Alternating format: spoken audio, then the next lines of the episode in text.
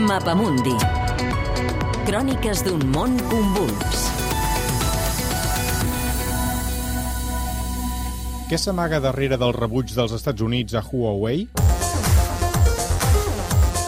Per què és tan important el 5G? Oriol Ferrés, coordinador de l'anuari del CIDOP. Què veuen els Estats Units? Pues que qui posa la infraestructura té un primer pas per dominar tot el que es construeixi sobre aquesta estructura. És a dir, el 5G no és la tecnologia final, sinó que després del 5G pues, ens ve tota aquesta part de la intel·ligència artificial, de la processament de les dades massives, de l'internet de les coses per tot arreu. Llavors, el 5G és com una primera porta per capturar tota aquesta informació i poder-la processar. Qui pot subministrar 5G actualment? Laura Hoxla, consellera adjunta per a Afers Econòmics de l'Ambaixada dels Estats Units a Espanya. Hay cuatro suministradores que pueden hacer todo, todo desde el principio al fin del 5G.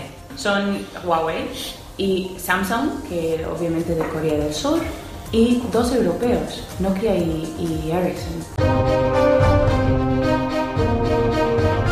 Per què els Estats Units hi tenen tantes reticències? Washington exigeix que els països subministradors de 5G siguin democràtics, amb separació de poders, i denuncien el vincle de Huawei amb el govern xinès i els problemes que això pot comportar per a la seguretat dels països membres de l'OTAN i, per tant, aliats dels Estats Units. El National Security Law de China de 2017 obliga a las empresas con su sede en China a cooperar con las- los servicios de seguridad del gobierno chino.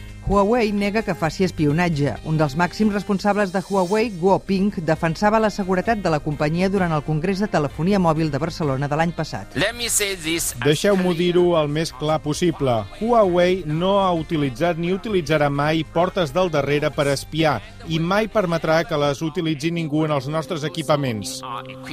Però els Estats Units també alerten de la privacitat de les dades dels ciutadans que, segons ells, poden acabar a mans de Huawei. El modelo europeo es el GDPR, ¿no? Reglamento de Protección de Datos y la importancia de privacidad de datos y a la vez utilizar un teléfono Huawei. Eso me parece totalmente una paradoja en total. Per Oriol Ferrés, els estats tenen por de perdre el control sobre les dades dels ciutadans i això també pesa en el conflicte amb Huawei. Té aquesta dimensió de securitització, de dir, ara, escolta, ens hem donat compte que si ens poden fotre totes les dades dels ciutadans, poden saber més dels nostres ciutadans que nosaltres mateixos, i això és una cosa que a un estat-nació li preocupa molt. Un dels monopolis de l'estat és que en principi és qui més control té sobre els seus ciutadans. No? Si a través de les noves tecnologies una empresa privada o un poder estranger té un coneixement més real i més profund dels ciutadans d'aquell país, clar, això no li mola cap estat. En el conflicte amb Huawei també hi tenen un paper important la geopolítica i la guerra comercial entre els Estats Units i la Xina. des de la visió xinesa, aquesta economia doncs, més exportadora basada en béns doncs, barats, ells veuen que això està arribant a un cert punt ja d'una mica d'esgotament, i a Huawei i ZTE i sobretot el sector tecnològic en general, eh? i aquesta aposta de la Xina per la innovació doncs era una mica com fer un salt d'escala no? I, i agafar una economia una miqueta més doncs, de valor afegit, que fos més rentable, no? I, té una importància doncs, econòmica molt important per la Xina, no? poder-se consolidar en aquest sector la sensació que pot fer és que una mica la lectura que es fa des de l'administració actual nord-americana és que ara és el moment per plantar-se i, i entrar molt més a competir-li aquests espais, no? A finals de gener, i malgrat les pressions nord-americanes, el govern del Regne Unit va decidir permetre a Huawei desenvolupar el 5G, però amb limitacions, i l'ha exclòs de les parts més sensibles de la xarxa.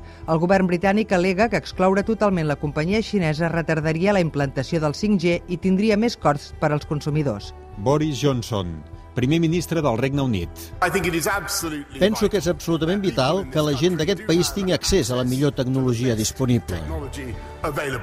Però també penso que no farem absolutament res que posi en risc la nostra relació amb els Estats Units ni les nostres infraestructures de seguretat nacional.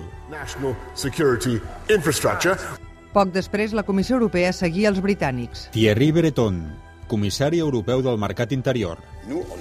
A Europa acceptem tothom, tothom és benvingut, però hi ha regles. La Unió Europea imposa també restriccions a Huawei per evitar l'espionatge. Obligarà les empreses que vulguin desplegar la xarxa 5G a treballar amb un grup reduït de proveïdors que siguin fiables i se sotmetin al control comunitari.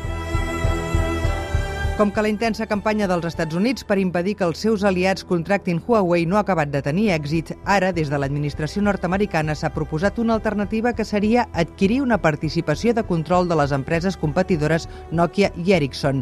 Segons el fiscal nord-americà, Washington ho podria fer directament o bé a través d'un consorci d'empreses privades dels Estats Units i de països aliats. És un reportatge de Mireia Sala amb muntatge musical de Jordi Galbany, disponible al podcast del Mapa Mundi.